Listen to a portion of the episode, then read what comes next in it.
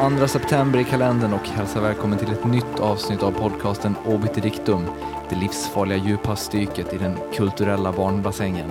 Som vanligt med mig Tobias Nordström och min trogne partner in crime Billy Rimgard. Halloj, halloj. Eh, hur har veckan varit? barn... Jo, det är bra. Det är bra. Det är alltså i barnbassängen som vi... Jag tänkte att det skulle eh, på något sätt illustrera att, vi, eh, att man kanske inte ska vänta sig att vi är på de allra mest djupa vattnen. Eller, eller vad säger du? Jag tror det är en korrekt, eh, korrekt bedömning. Det, är- för mig, det är inte under, under... Det är ingen underskattning för mig. Jag tycker det är skönt i barnbassängen. Var, varmt och härligt. Det är där det händer kanske. ja, precis. Det där lät lite små creepy. Du Yes. frågade hur min vecka har varit när jag avbröt dig och det, den har varit bra. Mm. Ehm, skönt att vara igång med podcasten känner jag. Mm. Får- Helt plötsligt får man upp ögonen för massa roliga grejer som man känner att man behöver eh, prata om. Precis. Det, är- man, öppnar upp nya perspektiv på världen. Vi lanserade ju en ny eh, programpunkt här förra veckan, B-filmscirkeln. Mm. och efterlyste då lite olika eh, förslag på vilka B-filmer som vi bör tröska här under hösten. Det kom ju in en del. Det har kommit in väldigt mycket. Eh, Elegansen gav oss tillräckligt många spår för att köra B-filmcirkel i tre säsonger känns det som. ja. Den gamla rullen Crying Freeman som jag minns som jävligt bra, hade han med. Ehm, Ja, men den, den är väl på något sätt ett, ett intressant gränsland eller vad man ska säga. mm, det, det skulle jag nog vilja påstå. Jag, jag, jag minns ju ingenting av den egentligen. Det var som sagt väldigt, väldigt länge sedan jag såg den, men jag blev pepp när, jag, när vi fick det mejlet i alla fall. Det är väl, Eller en, den sån, kommentaren. det är väl en sån där film som ha, har en sån där twist har jag för mig. Om, om, jag, Mm. om jag minns rätt så är den, eh, har den en väldigt dramatisk eh, sväng på slutet. Det var, den är ju gjord typ 1995 och det är väl den dramatiska svängens guldålder på något De- sätt. Definitivt. Det, ja, det, det, det, jag, vet inte, jag vet inte om den var först eller om det var The Usual Suspect som var först, men det, det satte igång en, en våg av eh, sådant. Sen eh, några år efter där så, så var det typ så att man inte kunde göra en, en film. Alltså, eh, om man ville vara en action, smart actionfilm, då, då var man tvungen att ha en twist på slutet. Ja. Men det, det, det, har, det, det har väl eskalerat lavinartat och mm, fått eh, smått absurda proportioner nu känns det som. Jag kommer ihåg också den här Salt med Angelina Jolie eh, förra året och den var det ju liksom twist på twist på twist. A twist within a twist. Ja, precis. Ehm, vi fick några mejl också. Lisa tyckte att ett maraton med tidig John Woo är på sin plats och det eh, har hon ju absolut en, en poäng med. Ehm, Pontus nämnde B-filmens urmoder Toxic Avenger och Conny tipsade om va- vampyrapokalyptisk indierulle som heter Stakeland. Ja. Men alltså, det som känns bäst att starta med tror jag, eh, Andreas från Radio Speltorsk mejlade och berättade att han är svag för usla monsterfilmer och nämnde där hotet från underjorden, Tremors. Tremors. Ja. Och då börjar vi komma in i rätt, i rätt värld eh, på något vis. Um, dock så tror jag att de flesta har sett den första hotet från underjorden. Så, jag- så jag funderar på, ska vi inte ta typ trean? Jag tycker trean låter som ett, ett väldigt bra alternativ. Det finns ju en fyra också som är någon slags prequel nästan eller någonting, men jag, jag tror vi, vi kör trean. Jag tror, jag tror det är mer hillbilly-amerikaner i trean. Om, om 90-talet var eh, twisten i slutet guldålder så är det väl nu kanske prequelens guldålder. Ja, definitivt. Eh, Som jag förstått det, så i Hotet från underjorden 3 så eh, är de alltså tillbaka i den lilla stan Perfection. Jag, vet, jag har inte sett tvåan, så jag vet inte riktigt var de befann sig då. Jag har sett tvåan någon gång vet jag, men jag har även svårt, de är, alltså de är väldigt lika allihopa, har jag en känsla av. Jag har inte sett trean än, men eh, har, de, det är väl lite samma upplägg tror jag. varför, varför, ändra ett, varför ändra ett vinnande lag liksom? Ja, definitivt. Och vi ska väl, den, finns väl i sjön någonstans, så vi ser till att fixa fram den så att det eh, går att, att se. Jajamän. Har vi några speciella themes to watch for?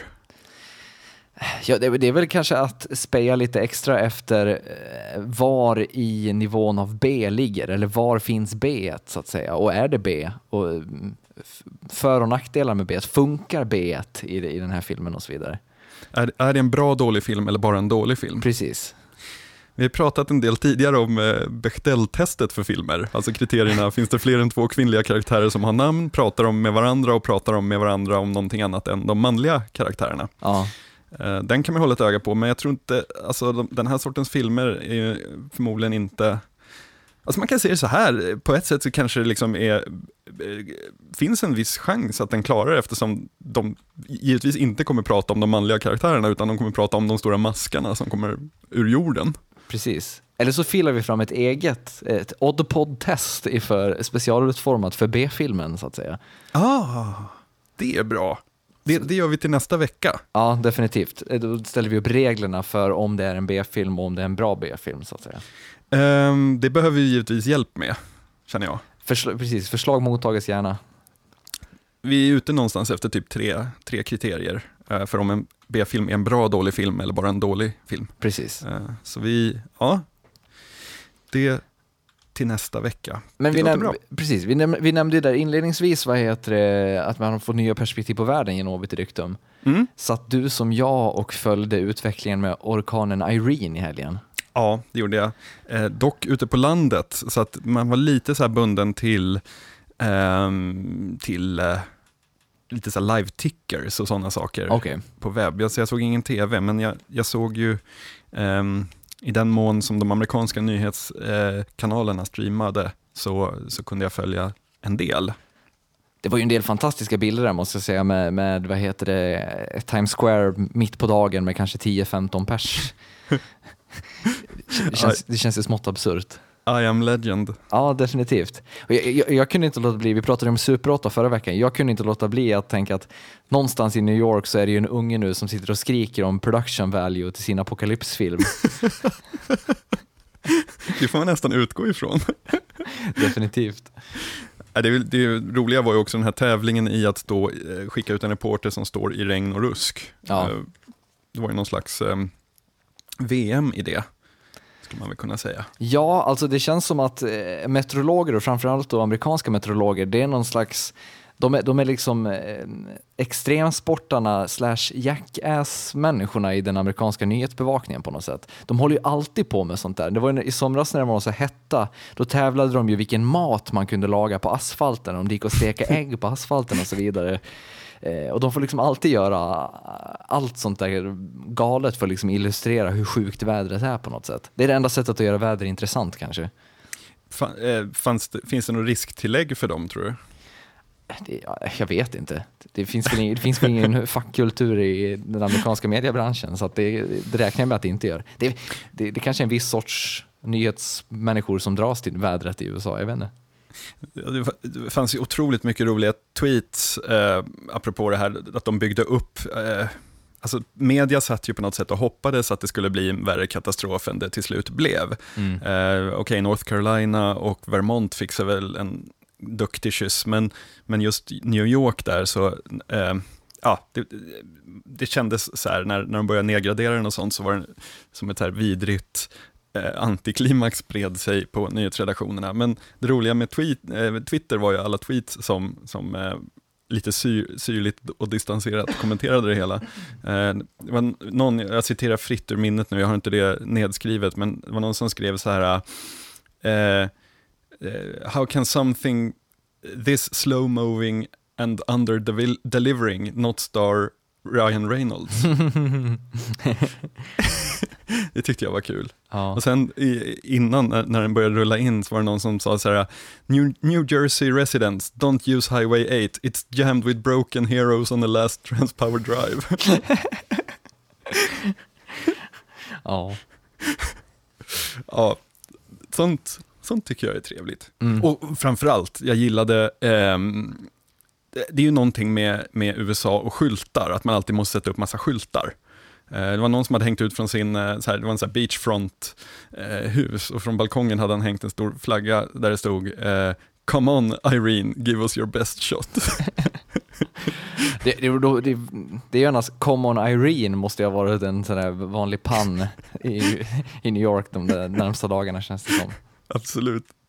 Det var någon så här diner också som hade sådana här, du vet, man, bokstäver som man hänger på en skylt. Um, och så stod det så här, we're open till these letters fly off. Ja. Men, men annars om man, om vi ska prata veckan som gått så är ett klipp som jag har sett säkert 20 gånger från den under, ja, sen förra fredagen, det är när Nyhetsmorgon i TV4 eh, besökte Färgfabriken i Stockholm, där Andreas Tilliander och Håkan Lidbo eh, visade deras installation som gör ljud av olika saker. Ja. Vi, vi, lyssnar här på några godbitar bara. Får jag göra knaster? Ja, du kan ta den här till exempel. Ja. Ja, jag vet inte. En sak kan man säga att det är ganska regelbundet här.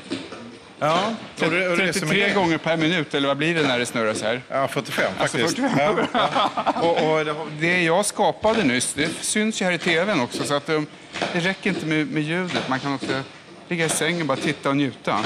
Har, eh, Andreas, har du någon favoritljud här? Någon apparat? Någonting som... Eh, jag gillar bas överhuvudtaget. Kan, kan och du några... kräma på basen? nu, vi krämar på allting här nu. Eh, Okej okay, grabbar, nu kör vi. Nu ger vi järnet här. Där ja, kom igen. Kom igen. Underbart. Det är bra, Andreas. Flera knappar. Är allting på nu? Nej. Är allting på? Nej, nej, nej. Det kommer med. På med den här. Eh, var är basen, Andreas? Var är basen? Här.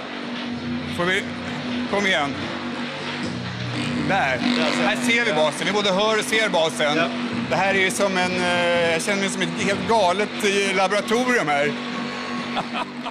Och det här är ju... Ja, jag menar allt ifrån får jag göra knaster till var är basen? Det är så underbart roliga lines. Jag tycker alltså, det är ju lätt att göra sig lustig över reporterns eh, lite naiva inställning till hela den här installationen. Men alltså, jag tycker det är, det är, på ett sätt är det ju fantastiskt hur han, eh, hur han exemplifierar någon slags eh, fantastisk glädje inför att han har upptäckt konsten och hur roligt man kan ha.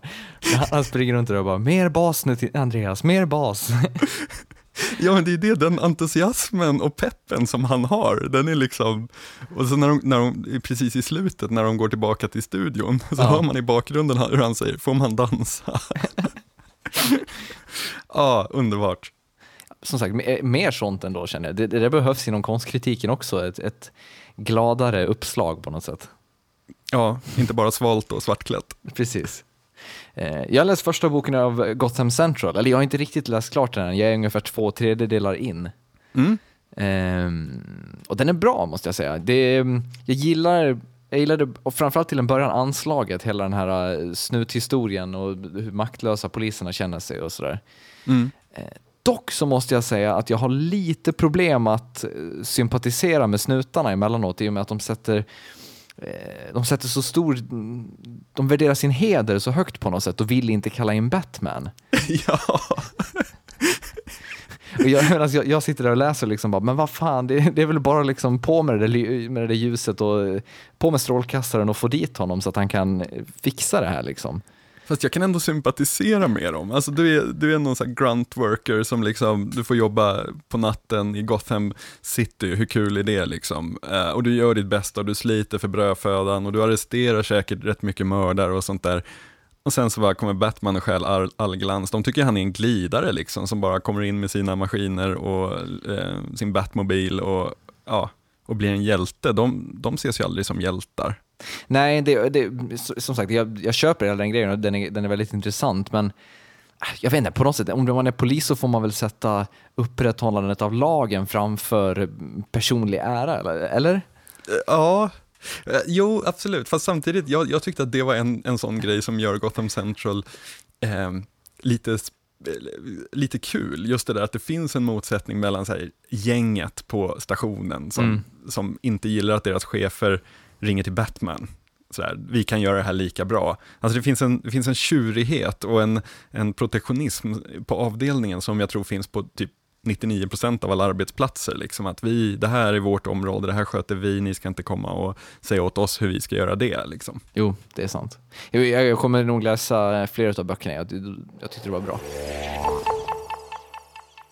Men vi ska börja eh, vårt första ämne och prata lite grann om hiphop och närmare bestämt Kanye West.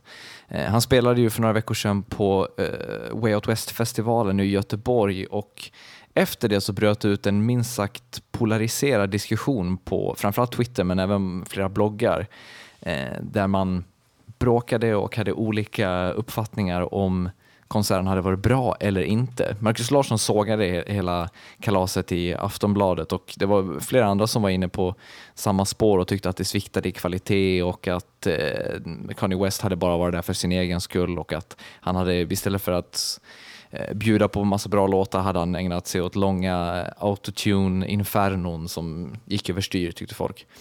Ehm, och jag vet inte, hur, hur ställer du dig till Kanye Wests hybris? För den, den finns ju onekligen.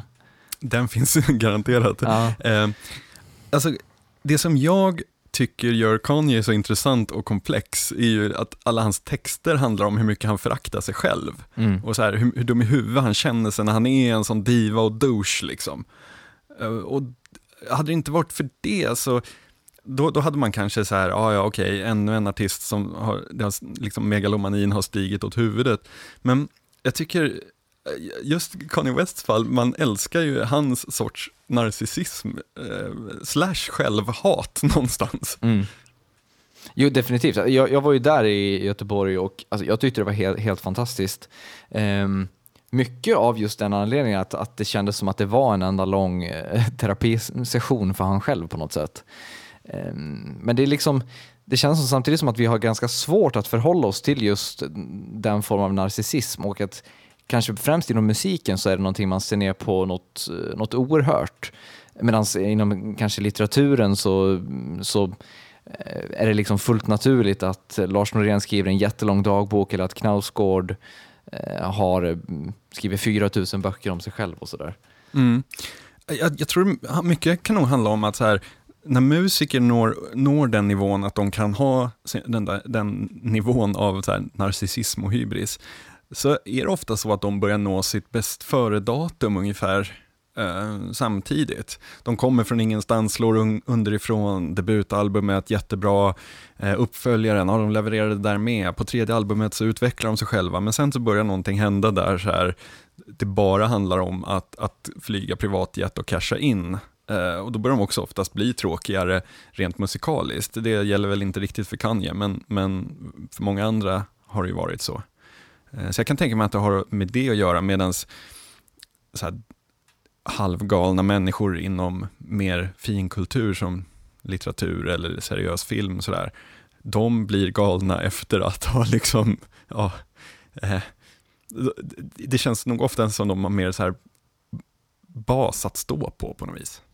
Ja, kanske. Och sen, men sen tror jag också att folk tolkar att de har ett anslag som är mer eh, Eh, för konsten, eller vad man ska säga. Att, att de, de, de skriver inte bara om sig själva för, av rent narcissistiska skäl, utan det, det, det, finns även en, en intention av att på något sätt säga någonting om vad det är att vara människa. Men det är väl, det är väl på något sätt att underskatta popmusiken, att man inte skulle kunna göra, den, göra det genom den formen också på något sätt. Definitivt, det, det, det håller jag med om. Um, och, jag, men, och jag tror en, en annan eh, aspekt av det är att många som jobbar med den här storslagenheten och lätta megalomanin, de, de har en sak gemensamt tror jag, och det är ofta det att det, liksom, de ligger hela tiden på någon slags gräns för eh, hur storslaget det kan vara. Men sen förr eller senare så tar de ett steg över och då, då, då blir det för mycket på en gång. Mm. Men hur tror du man fläker ut sig själv och öppnar upp sig själv på ett bra sätt då? Måste, bra måste, sätt. måste man vara liksom lite så här som, som Kanye West, lite självfraktande? Blir det dåligt om det bara finns skryt så att säga? Uh, jag, jag kan gilla när det inte känns särskilt utstuderat. När Jean-Michel Jarre säger att han vill spela live på månen, då, då vill han det. Han, det är liksom en grej han vill göra och som han håller på att undersöka hur han ska gå tillväga för att lösa. Eh, det, alltså den sortens total så syn på sig själv att ingenting är omöjligt, um, om den är uppriktig så, så, så kom, kan man nog komma undan med väldigt mycket. Uh, däremot om det blir konstlat, alltså om man... Om, om det blir en pås? Ja, om man sitter och säger det för, för liksom... Fast det där det är ju i och för sig, alltså, det, direkt när jag sagt det så kommer jag tänka på Marcus Birro, han är väl uppriktig och tror på det. och där blir det ju inte särskilt bra. Eh, så, så jag kanske får backa lite från det jag just sa, men någonstans så tror jag ändå att så här, de människorna som ändå blir älskvärda till slut är de som um, gör det med någon sorts övertygelse om deras egen storhet. Mm. Men kan du, kan du tänka dig med just Kanye West att han kanske trampar på några eh, ömma hiphop-tår i och med att han inte gör det på eh, på det liksom traditionellt, eller traditionellt är det väl inte, men det, men det etablerade sättet med att skryta med flashiga bilar om, och hur många tjejer man ligger med och så vidare. Blir, blir han en, eh, en vagel i ögat på hiphop-etablissemanget och även då de rättroende hiphop-kritikerna? Det där är en bra fråga. Som jag har förstått det så, så finns det Eh, alltså, det har skett en förskjutning inom, inom hiphopen de senaste liksom, 4-5 åren. Eh, vi hade ett, eh, ett, ett, avsnitt av vårt program på P3 där vi pratade om beefar. Mm. Att det inte finns några beefs längre. Och det är ju så här för att för, för 10-15 år sedan så kunde man gå upp och battla folk och så här jag rappar så mycket bättre än du och jag gör allt så mycket bättre än du. Och man kunde så här, ta skalper på det sättet. Medan idag så är det så här, jag rappar bättre än dig, ja so what, jag sålde 10 miljoner skivor och är rikare än du. Och då är det liksom end of discussion, att den där, alltså det här att mäta sig eh, med varandra på det klassiska hiphop-sättet har försvunnit därför att den som tjänar mest är bäst, punkt. Eh, och Kanye är ju, jag menar, han och, han och Jay-Z är ju inte bara störst inom hiphopen utan kanske liksom två av världens största artister alla kategorier. Eh, så jag vet inte om det är om det verkligen är så för att han bryter mot gamla, gamla hiphop-grejer som folk stör sig på. Det är nog snarare så här att allt är så jävla over the top. Det är väl så här, samma anledning till att folk stör sig på USA som, som, som land. Att här, man är jävligt bra på att ta det till en, en, lång, en extremer som faller, inte faller vissa i smaken. Jo men samtidigt inom just hiphopen så är det ändå okej okay att vara over the top så länge du är det på rätt sätt kan jag känna. Alltså instinktivt så är det ju det är ju på något sätt mycket mer okej okay att ha feta guldtänder och eh, stora fälgar och massa sådana saker som också är, är liksom he, helt absurda i så god smakväg. Men, men det, det, är på något sätt helt legio inom, inom, en, eh, inom en, en, ett sånt fält. Mm. Jag vet inte. Alltså det, det spontant jag kommer att tänka på det är ju rocken på 70-talet hade ju samma sorts hybris som så här, Kanye har idag. Mm. Eh, när Bachman Turner Overdrive lät bygga ett så här, trumset i rostfritt stål, så här, man bad någon så här, järnverk att bygga det. Och den där skiten vägde ju tre ton så att de var ju tvungna att ställa in spelningar därför att scenerna inte klarade av att, ha det där på turnén. Ehm, och likadant så här, på vissa andra ställen var de tvungna att bygga, bygga en massa så supports under scenen för att det inte skulle rasa. Och du vet, bara så här, eh, jag menar, det är väl en kul anekdot att dra, men just det här hur mentaliteten är hos någon som sitter och tänker så här, fan det vore bra idé att låta beställa ett, ett liksom, trumset av engelskt stål, det är väl coolt? Mm. Alltså så här, att just, ja, det, det, det, det, tycker jag är ganska intressant, just det där hur, hur det tas från idé till genomförande och ingen på vägen säger så här, ursäkta, men det är väl som, som den där eh, Prince-anekdoten som Kevin Smith berättar om när han höll på att göra den där dokumentärfilmen om Prince. Eh, och en av Prince assistenter berättade om att, eh, att Prince någon natt då, klockan kvart över fyra eller någonting, ringer upp den här assistenten och säger att imorgon klockan åtta så vill jag att det står fyra stycken kameler utanför mitt fönster. och det tillhör historien då att Prince vid det här tillfället bodde, jag tror han bor kvar där också, i Minnesota. Eh, och det här var mitt i vintern, så att hon försökte förklara då för honom att alltså, det, det, kommer inte gå, vi kommer inte kunna fixa fram eh, fyra stycken kameler på fyra timmar. Det, det finns inte här. och han, han var liksom så helt oförstående över att, alltså, vad då inte går? Det, det fanns liksom inte i hans, i hans världsbild att det var någonting som inte skulle gå att ordna på något sätt.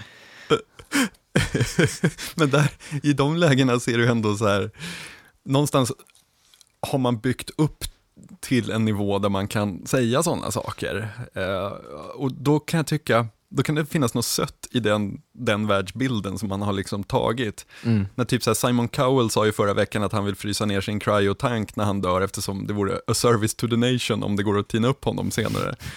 Och då, då känns det så här, ja men alltså... Han trollar ju bara. du tror det?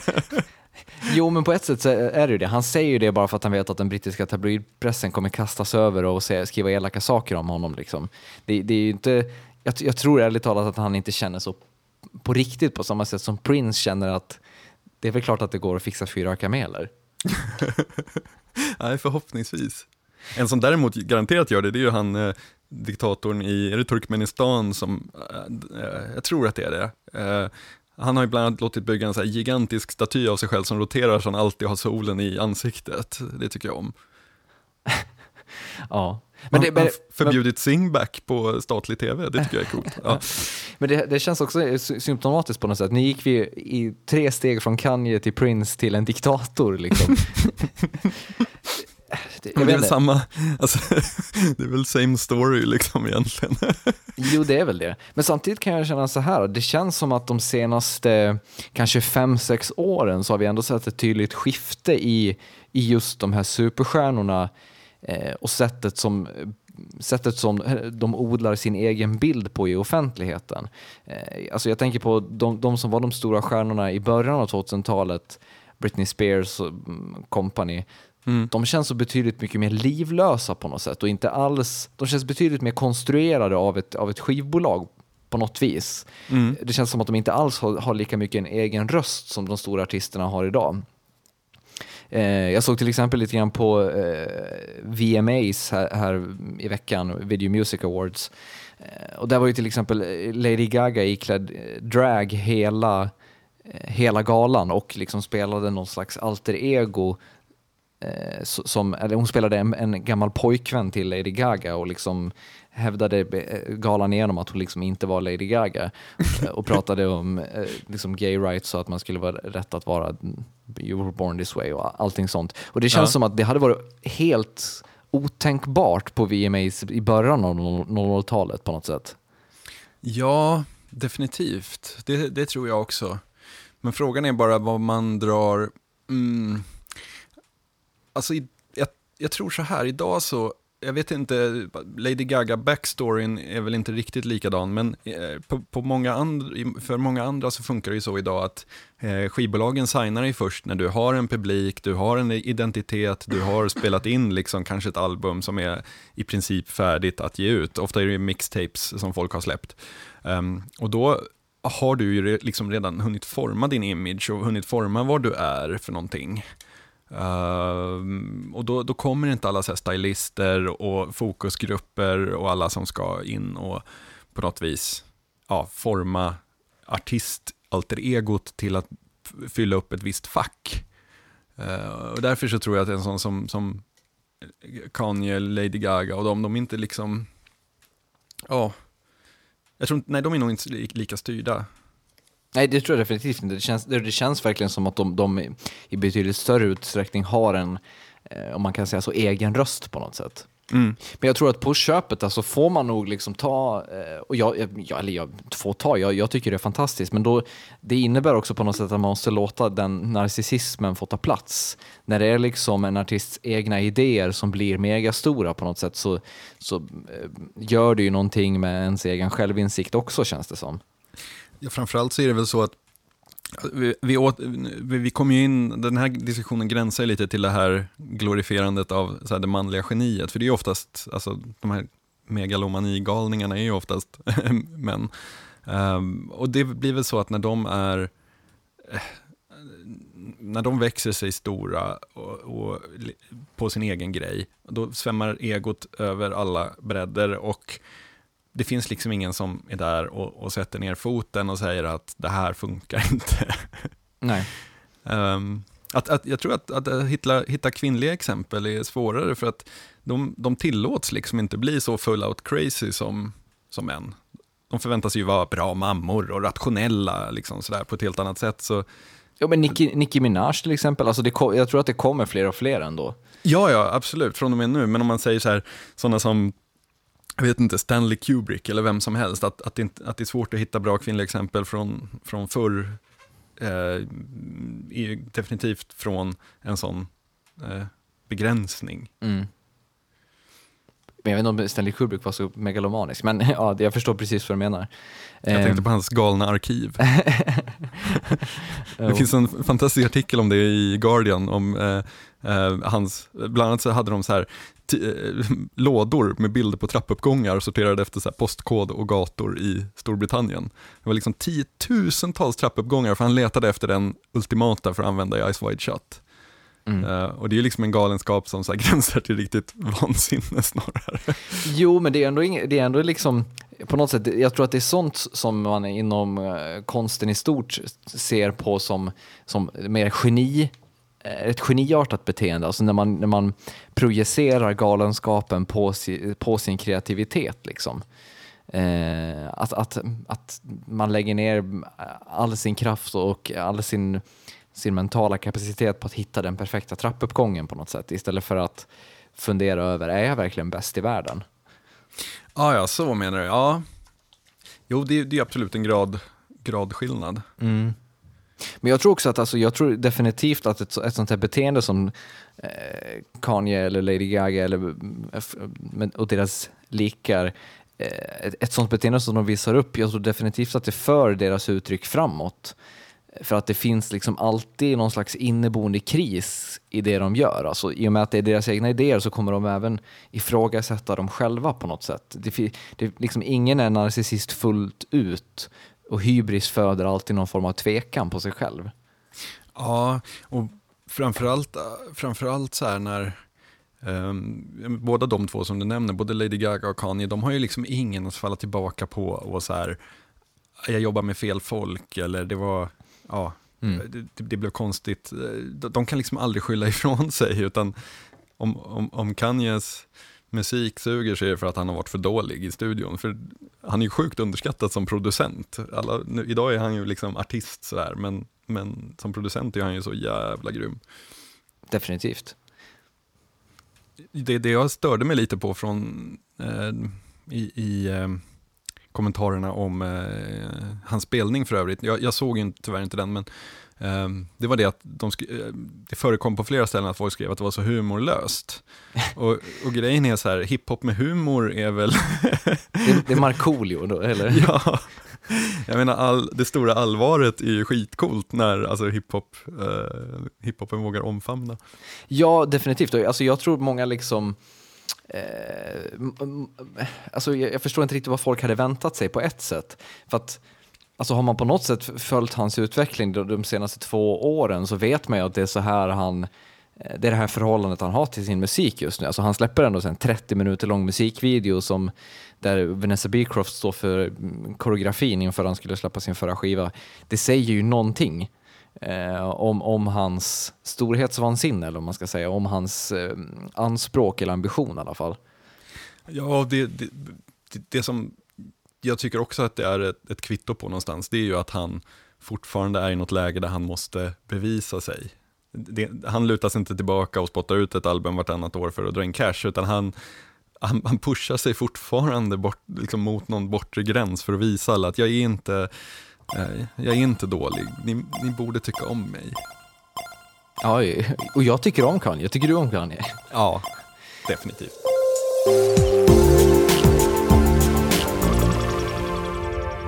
I dagarna så drar eh, bloggaren Jack Werner och även en trogen Obiterdictum-lyssnare igång en kampanj där han vill få SVT att visa Carl Sagans serie Kosmos igen. Eh, och vi på Obiterdictum ställer oss givetvis bakom Jack Werners initiativ och uppmanar er lyssnare att eh, besöka hans blogg, kommentera och eh, delta i ambitionen att få SVT att visa eh, den här fantastiska dokumentärserien. Det är ett mycket bra initiativ tycker jag. Mm, jo, det, vi, Carl Sagan är väl något av en husgud för oss nästan. ja, och det är väldigt bra att, att det här kommer upp, för hur den är så tycker jag inte att Oddpod-säsongen har börjat riktigt på riktigt förrän vi har givit oss ut i den stora oändligheten. Och vi behöver lite passande musik här känner jag.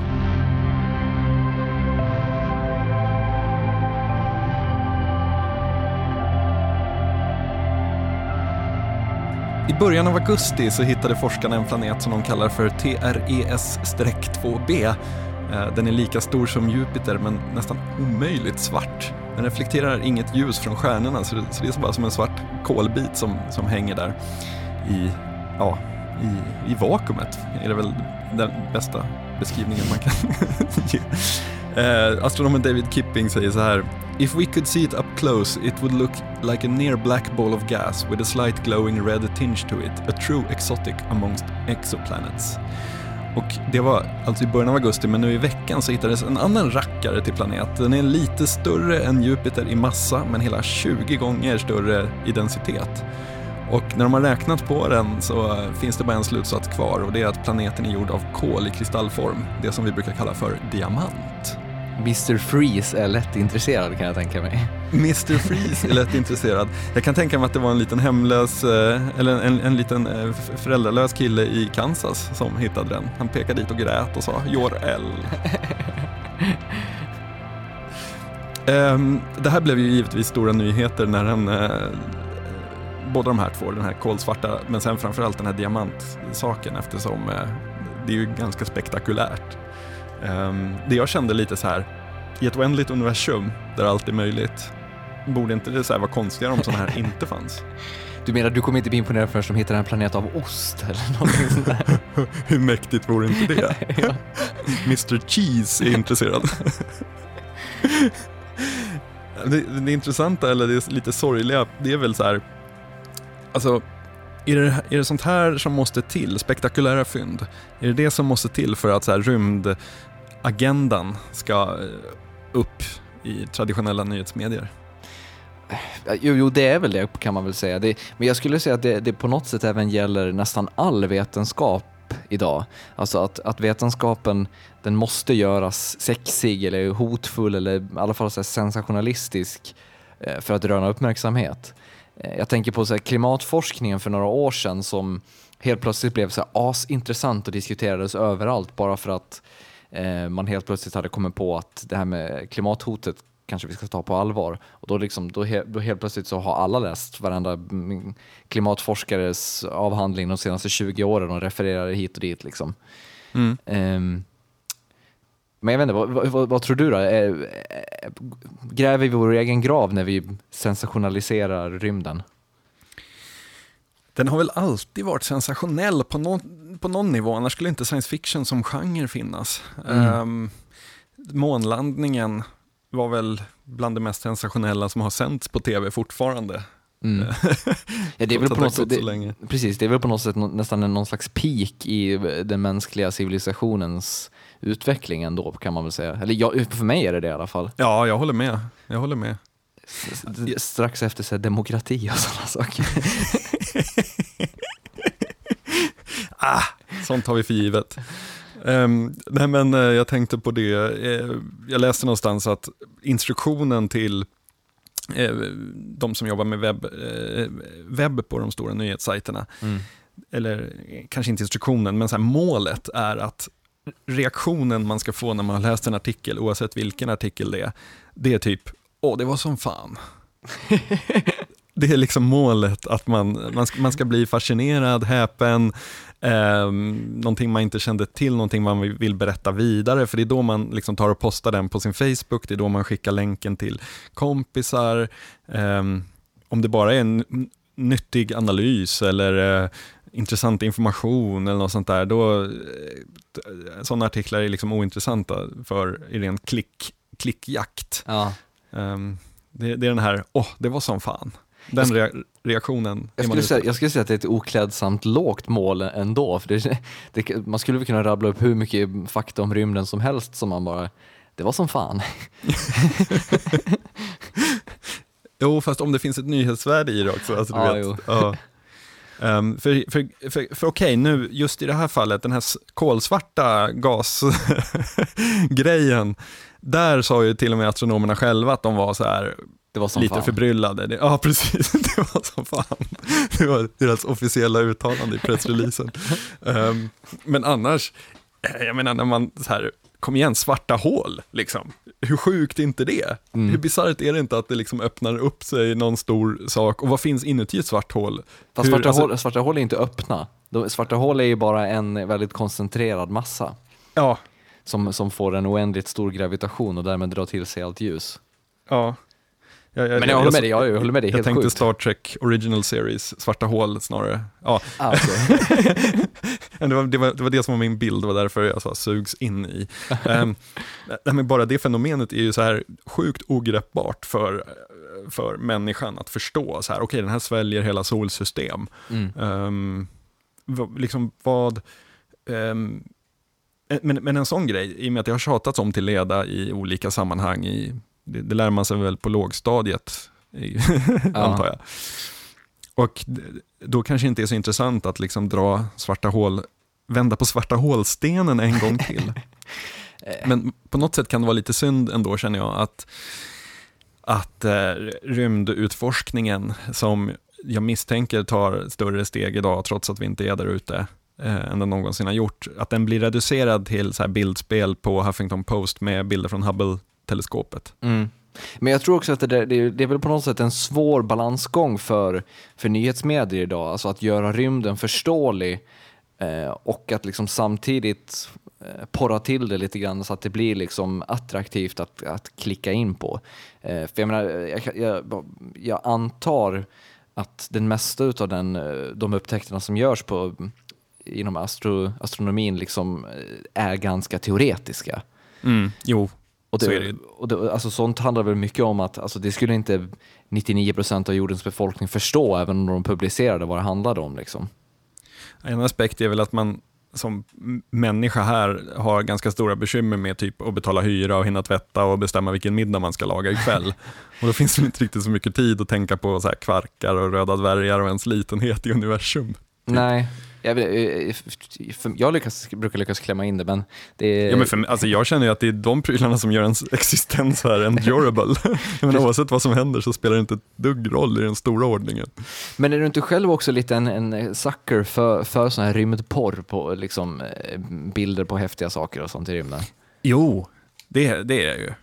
Eh, det är jag ju. Men det är väl alltså, menar, det är det enda visuella man kan få från eh, som också är en så här, det, det, det borde vi prata kanske mer om någon gång, men just de här bilderna från Hubble-teleskop och så vidare, så extremt konstruerade som de är. Alltså det är ju Mm. bara så här avläsningar på olika eh, våglängder. Eh, och sen så konstrueras det i, i typ Photoshop, eller ja, inte riktigt, men i princip. Um, Jo, men jag, jag tycker ju också, eller jag tycker mycket om, jag älskar att titta på så här NASAs eh, grafiska renderingar av hur satelliter och annan utrustning är tänkt att fungera ute i rymden. Alltså hur eh, man, man ser någon 3D-animation på hur eh, det här teleskopet då flygs ut i någon kapsel och sen hur det ska veckla ut sig och sånt där. Jag tycker det är helt fantastiskt. Ja, jo men det, det måste man ju säga. Alltså, någonstans så finns det ju alltid den där supergeeken i en själv som så här, den kickar ju in så fort man läser sådana här saker, eh, givetvis. Um, fast jag skulle ändå så här vill önska att, ja, jag vill ju inte bara veta om de här gigantiska planeterna som är gjorda helt av diamant. Utan man kanske skulle vilja så här, ja men det här var coolt, här har vi en slocknad stjärna som sabbar gravitationen i ett helt solsystem och därför, ja, sådär. Det, det kan man ju få också på sina nischsajter givetvis. Ja. Men på något, det, det, man, jag vet inte, vi kanske får vara tacksamma över att de överhuvudtaget skriver om det på något sätt så att människor, så att gemene man eh, fortfarande är liksom va- vaksamma på att rymden överhuvudtaget existerar. Det är lätt att förbise ibland faktiskt. Ja.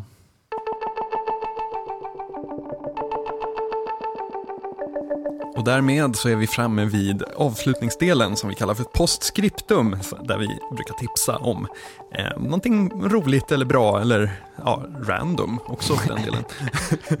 jag tänkte i eh, koppling till vårt förra eh, ämne här så tänkte jag tipsa om en eh, eh, animering som eh, Zürichs universitet har gjort, eh, astro, astrophysicists där, som har satt ihop en rendering av hur en eh, galax som vår eh, bildas.